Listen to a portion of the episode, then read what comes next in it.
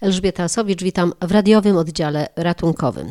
Od jutra będzie tam strefa zamknięta. Dziś jeszcze mogliśmy tam wejść z mikrofonem. Szpital tymczasowy we Wrocławiu. Gotowy był już od dawna, ale stał pusty. Jutro pierwsi pacjenci z COVID-19 trafią do ośrodka przy ulicy Rakietowej.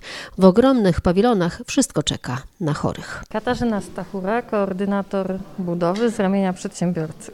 W tej chwili patrzymy się na odcinek C, czyli kolejny odcinek z łóżkami, który może być uruchomiony, jeżeli ten, który uruchamiamy jutro, będzie niewystarczający. Jutro uruchamiamy 96 łóżek, tu mamy kolejne około 200. Tutaj są y, boksy przeznaczone na łóżka do jakby codziennej, zwykłej opieki medycznej, nieintensywnej. Ale tlen tutaj jest. Na każdym stanowisku jest tlen plus tlen rezerwowy, że każdy pacjent będzie tutaj miał dobre warunki. Odcinek intensywny jest na terenie tego obiektu, ale w tej chwili nie będzie jeszcze uruchamiany. Barbara Korzeniowska, zastępca dyrektora do spraw lecznictwa otwartego, Uniwersytecki Szpital Kliniczny. Skąd pacjenci tutaj będą trafiali? Czy to będą ci z pogotowia, czy ze szpitali innych?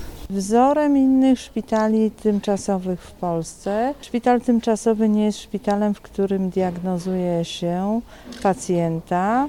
Co do zasady, czy on jest chory na COVID, czy nie jest. Szpital tymczasowy jest, do którego przyjmuje się pacjenta chorego na COVID, czyli z potwierdzonym, wiarygodnym badaniem, zgodnie ze wszystkimi wytycznymi zakażenia SARS-CoV-2 tym wirusem, a także w stanie klinicznym, który no, powoduje to, że pacjent wymaga leczenia szpitalnego. Czyli pierwszych pacjentów skąd będziecie mieli? Będziemy mieli pierwszych pacjentów, no zarówno pewnie z innych szpitali przekazanych, jak i będziemy mieli pacjentów, których przekażemy sami z innej lokalizacji szpitala uniwersyteckiego. Czy z Czech także tutaj się pojawią? Tego nie wiem. Będzie dużo zależało od tego, jak będzie przebiegać pandemia zarówno w Polsce, jak i u naszych południowych sąsiadów, a także od decyzji wojewody co do uruchamiania tej części czy kolejnych części tego szpitala. Co pani będzie tu robić? Będę pielęgniarką koordynującą. Będziemy musieli jakoś ogarnąć to wszystko, żeby było dobrze. Jak pani to widzi? Jeszcze w takim miejscu pani nie pracowała. Nie, aczkolwiek pracuję na dużym oddziale, więc myślę, że damy radę. Już macie pierwszych pacjentów, wiecie, że trafią? Jutro, jutro. Jutro od 14 mają trafić pierwsi pacjenci, ale nie wiemy jeszcze skąd i jacy to będą pacjenci, czekamy. Zespół gotowy. No właśnie, a co wy tutaj dla nich macie? Tlen głównie, tak? Tak, no tutaj wszystko mamy, tak jak w zwykłym szpitalu. Także tlen przede wszystkim to są łóżka tlenowe dla pacjentów, którzy są z niewydolnością oddechową z powodu COVID-19. W razie pogorszenia stanu zdrowia jesteśmy w stanie zabezpieczyć pacjenta, dopóki nie zostanie przekazany na właściwy oddział. Na razie pan wojewoda zdecydował, że uruchamia, uruchamiamy część internistyczno-zakaźną.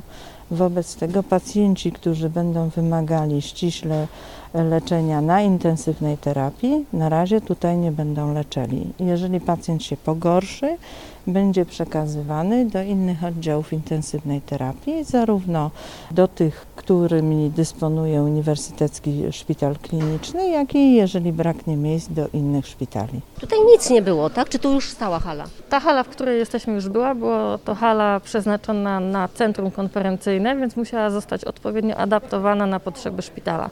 Dobudowano dwie hale od podstaw i jedną halę, tą największą, którą widzieliśmy chwilę temu, też odpowiednio przystosowano i przebudowano. Jak to jest z wentylacją, To znaczy z ogrzewaniem? wszystko, wszystko jest przystosowane na potrzeby szpitala i zgodnie z wytycznymi, które dostaliśmy od Szpitala Patronockiego na Borowskiej i zgodnie z wytycznymi od technologa medycznego. Ile tutaj jest, szczególnie w tej dużej sali, toalet? Nasz technolog medyczny tak zaprojektował tą ilość toalet, żeby była wystarczająca pod ilość pacjentów, których przyjmujemy. Także my mamy bardzo dużo toalet. Ale dokładnie jaka to jest ilość, to mnie pani zaskoczyła z tym pytaniem. Ale 10, 5, 20? 20? Raczej w tą stronę. Wie pani, to jest ważna rzecz, dlatego że ludzie po prostu czasem są tak chorzy, że nie są w stanie wstać z łóżka. I w tej dużej sali dojść do toalety w dużej odległości to jest problem. Taki problem był między innymi na Stadionie Narodowym. Znaczy ja myślę, że e, tutaj jest to tak rozwiązane, że nie będzie tych problemów. Mamy toalety i natryski po dwóch stronach hali, także powinno być wszystko w porządku pod tym względem. Obsady lekarzy będą zależne od tego, ilu pacjentów będzie tutaj leżało, ilu będzie, będzie pacjentów leczonych. Na razie decyzją pana wojewody uruchamiamy 95 łóżek i wszystkie obsady lekarskie, pielęgniarskie, opiekunów medycznych i całego personelu, który tutaj będzie pracował, będą dostosowane do ilości pacjentów, których tu będziemy leczyć, a także dostosowywane w taki sposób, że stopniowo też zwiększane w zależności od liczby pacjentów. Zatrudniliśmy kilkanaście pielęgniarek z tej rekrutacji, zatrudniliśmy kilka osób, jeżeli chodzi o opiekunów medycznych, zatrudniliśmy no, inne osoby, nie, jednak nie zatrudniliśmy lekarzy w tej rekrutacji. Stąd też decyzja, że główny pion w tej chwili, jeżeli chodzi o personel lekarski, to będziemy korzystać z własnych zasobów Uniwersyteckiego Szpitala Klinicznego. Będziemy wnioskować do pana wojewody o pomoc w tej sprawie, o delegowanie lekarzy i personelu medycznego, jeżeli będzie taka konieczność, ale też musimy zwrócić uwagę, że no, poza pacjentami zakażonymi wirusem SARS-CoV-2, którzy wymagają leczenia w szpitalu, są jeszcze pacjenci w cudzysłowie biali, którzy również są, wymagają leczenia zarówno w stanach ostrych, jak i planowych odroczonych. W związku z tym no, naszym celem jest nie tylko leczenie pacjentów yy, zakażonych wirusem yy, SARS-CoV-2, ale również pacjentów z innymi schorzeniami, po to, żeby nie dopuszczać do sytuacji, że pacjenci umierają również z innych powodów. Pani dyrektor, a w szpitalu na Borowskiej czy na Skłodowskiej jest już pełno? Jest tych pacjentów? Tam te miejsca są już covidowe zajęte? No znaczy tak, jeżeli chodzi o intensywną terapię, mamy w tej chwili raport z dnia dzisiejszego dziewięciu pacjentów, e, e, którzy wymagają wentylacji mechanicznej. Pacjentów leczymy zarówno w części naborowskiej, bo tu mamy pacjentów podpiętych do systemów ECMO, i mamy również pacjentów przy ulicy Chałubińskiego intensywno-terapeutycznych, którzy wymagają wentylacji mechanicznej. Jeżeli będzie taka konieczność, zresztą pan wojewoda wydał w zeszłym tygodniu decyzję zwiększającą liczbę łóżek przy ulicy Chałubińskiego o dalsze trzy y, y, cztery łóżka po to, żeby stworzyć kolejne miejsca dla pacjentów wymagających intensywnej terapii.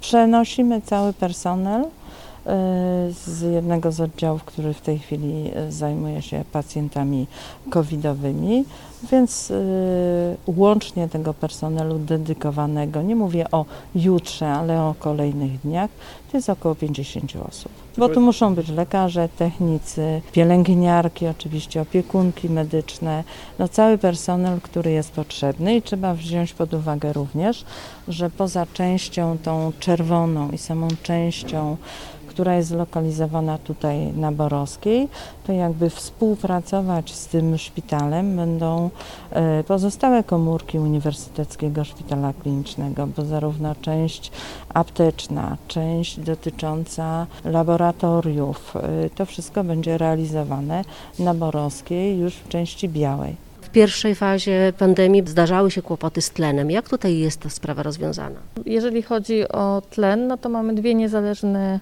linie tlenu, więc y, nie powinno być problemów żadnych tutaj. My jesteśmy przygotowani i zabezpieczeni jak y, zwykły szpital, nie prowizorycznie, tylko porządnie, tak jak to należy. Planowana jest jeszcze jakaś rozbudowa, czy to już jest te 400 miejsc, to jest ostateczna liczba? To znaczy na chwilę obecną nie ma żadnych dodatkowych rozbudów w planach.